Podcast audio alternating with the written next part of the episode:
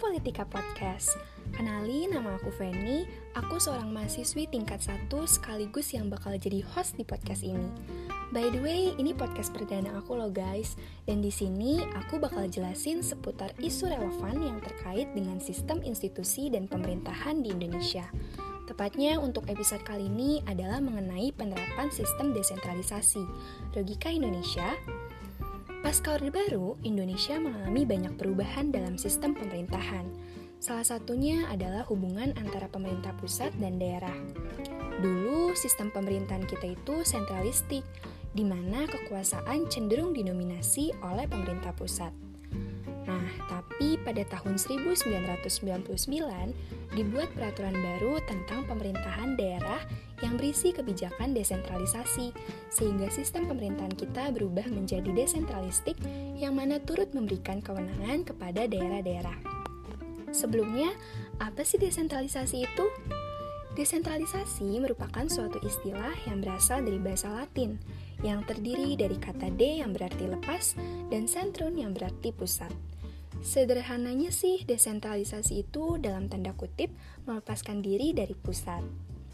Nah, apa sih peristiwa yang melatar belakangi perubahan ini?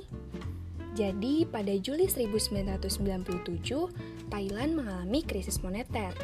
Namun, hampir semua pejabat Indonesia di bidang ekonomi pembangunan dan moneter merasa optimis kala itu.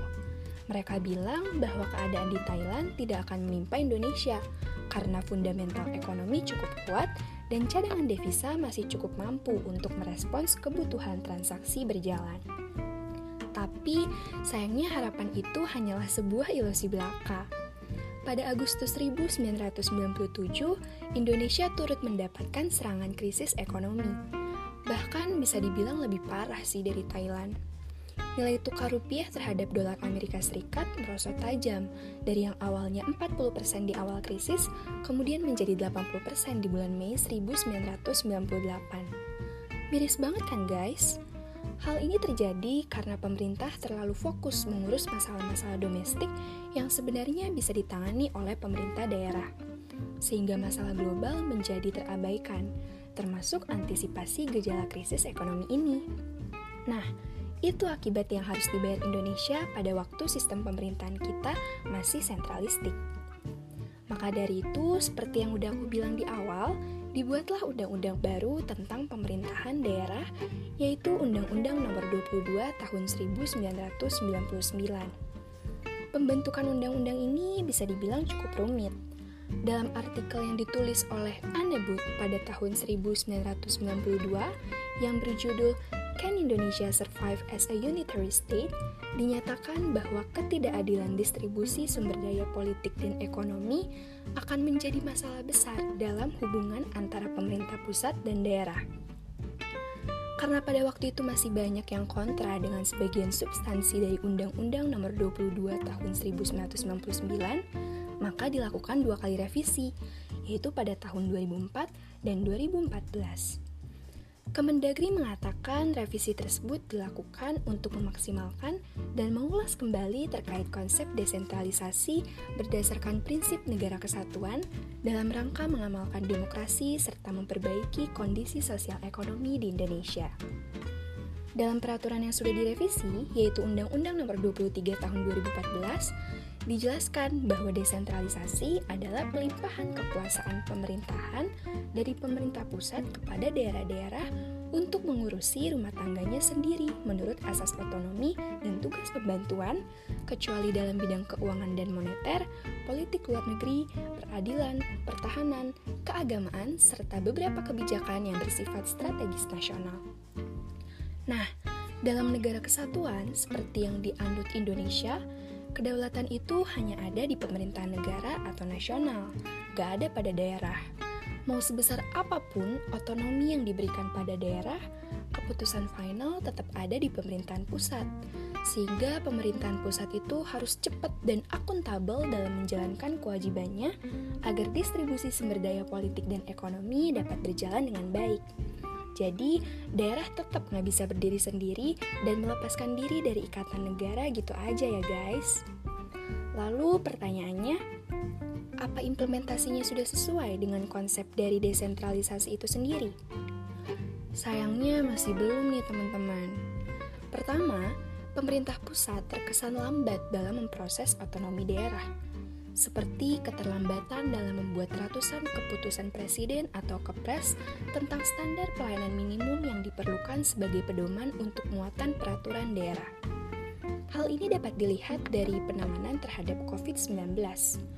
Anggota Komisi 9 DPR Republik Indonesia, Saleh Partau Nandaulai, menilai pemerintah pusat terkesan lambat dalam mengeluarkan kepres yang menetapkan pandemi COVID-19 sebagai status bencana nasional. Kepres baru keluar tanggal 14 April 2020, sementara pandemi itu sudah ditetapkan sebagai bencana nasional sejak Maret 2020 lalu. Kemudian, Ombudsman menilai pemerintah pusat agak lambat dalam mengeluarkan peraturan pemerintah nomor 21 tahun 2020 tentang PSBB dalam rangka percepatan penanganan COVID-19 Padahal, jumlah konfirmasi positif COVID-19 pada 31 Maret 2020 sudah mencapai kisaran 1.200 orang, sehingga pemerintah daerah mau nggak mau bergerak lebih dulu untuk melindungi masyarakatnya.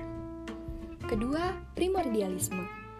Beberapa daerah cenderung mengutamakan putra daerah dalam proses rekrutmen untuk menduduki jabatan kepala daerah atau jabatan strategis lainnya. Gejala ini sudah tumbuh sejak awal tahun 1990-an sebelum berlakunya Undang-Undang Nomor 22 Tahun 1999. Misalnya di Jakarta, masyarakat Betawi itu sering kali menginginkan gubernur dari kalangan yang serupa. Hal ini juga yang melatar belakangi perubahan gubernur Sulawesi Tengah, Riau, Jambi, Irian Jaya, Maluku, dan Bengkulu. Bahkan saat ini semakin parah, Walaupun telah diberlakukan Undang-Undang Nomor 23 Tahun 2014, kehadiran putra daerah dalam posisi kepemimpinan di daerah menjadi semakin melebar ke pengisian jabatan teknis administrasi. Ketiga, nepotisme. Banyak pihak yang menyalahgunakan kewenangan desentralisasi yang diberikan pada tiap daerah untuk memenuhi kepentingan pribadinya. Nepotisme dengan istilah ethnic parochialism terjadi di berbagai daerah, seperti mengamankan posisi putra daerah untuk jabatan pemerintahan tanpa melihat dahulu kapasitas dari putra daerah tersebut. Pada saat Pilkada 2020 lalu, isu tentang dinasti politik semakin marak dibahas. Teman-teman pastinya tahu kan karena apa? Yap, benar banget. Itu karena anggota keluarga Bapak Presiden Joko Widodo, di antaranya putra sulungnya, Gibran Raka Buming Raka, mencalonkan diri di Pilkada Solo dan menantunya Bobi Afif Nasution turut mencalonkan diri di Pilkada Medan. Tumbuh suburnya dinasti politik di level regional tentu tidak lepas dari peran partai politik. Oligarki di parpol membuat mekanisme kandidasi dan pencalonan tidak berjalan sesuai semestinya. Selama ini, sering kali calon kandidat dari parpol ditentukan oleh keinginan elit partai, bukan melalui mekanisme yang demokratis dengan mempertimbangkan kapasitas dan integritas dari calon. Berbagai masalah inilah yang menyebabkan desentralisasi menjadi lancu dan melenceng dari tujuan awal pembentukan. Teman-teman, sejatinya nggak ada satupun sistem yang dibuat tanpa pertimbangan dan tanpa target yang baik untuk ke depannya. Begitu pula dengan sistem desentralisasi. Sistem desentralisasi itu dibuat untuk mengedepankan demokrasi dan memperbaiki kondisi sosial ekonomi Indonesia. Oleh karena itu, perlu banget nih guys dilakukan beberapa perbaikan. Pertama, stigma negatif atas implementasi desentralisasi harus diubah melalui penyegaran kembali nilai-nilai dasar desentralisasi, yaitu kesejahteraan publik. Kedua, pejabat dan birokrat di pusat maupun daerah harus menyadari bahwa desentralisasi bukan hanya politik, melainkan juga kewajiban politik untuk memenuhi kesejahteraan masyarakat pemerintah pusat perlu sadar bahwa langkah yang lambat dapat menimbulkan kekecewaan dari publik dan ketidakpastian. Sehingga bukan tidak mungkin kalau pandangan masyarakat terhadap kualitas pemerintah akan semakin buruk. Kemudian, kepala daerah perlu mengawasi proses rekrutmen calon agar kedudukan jabatan diperoleh dari faktor-faktor kualifikasi bukan melalui pertimbangan primordialisme dan nepotisme. Dengan begitu, good governance dan tujuan dari pembentukan sistem desentralisasi ini dapat terwujud. Nah, teman-teman, gak kerasa nih kita udah ngobrol banyak banget ya tadi.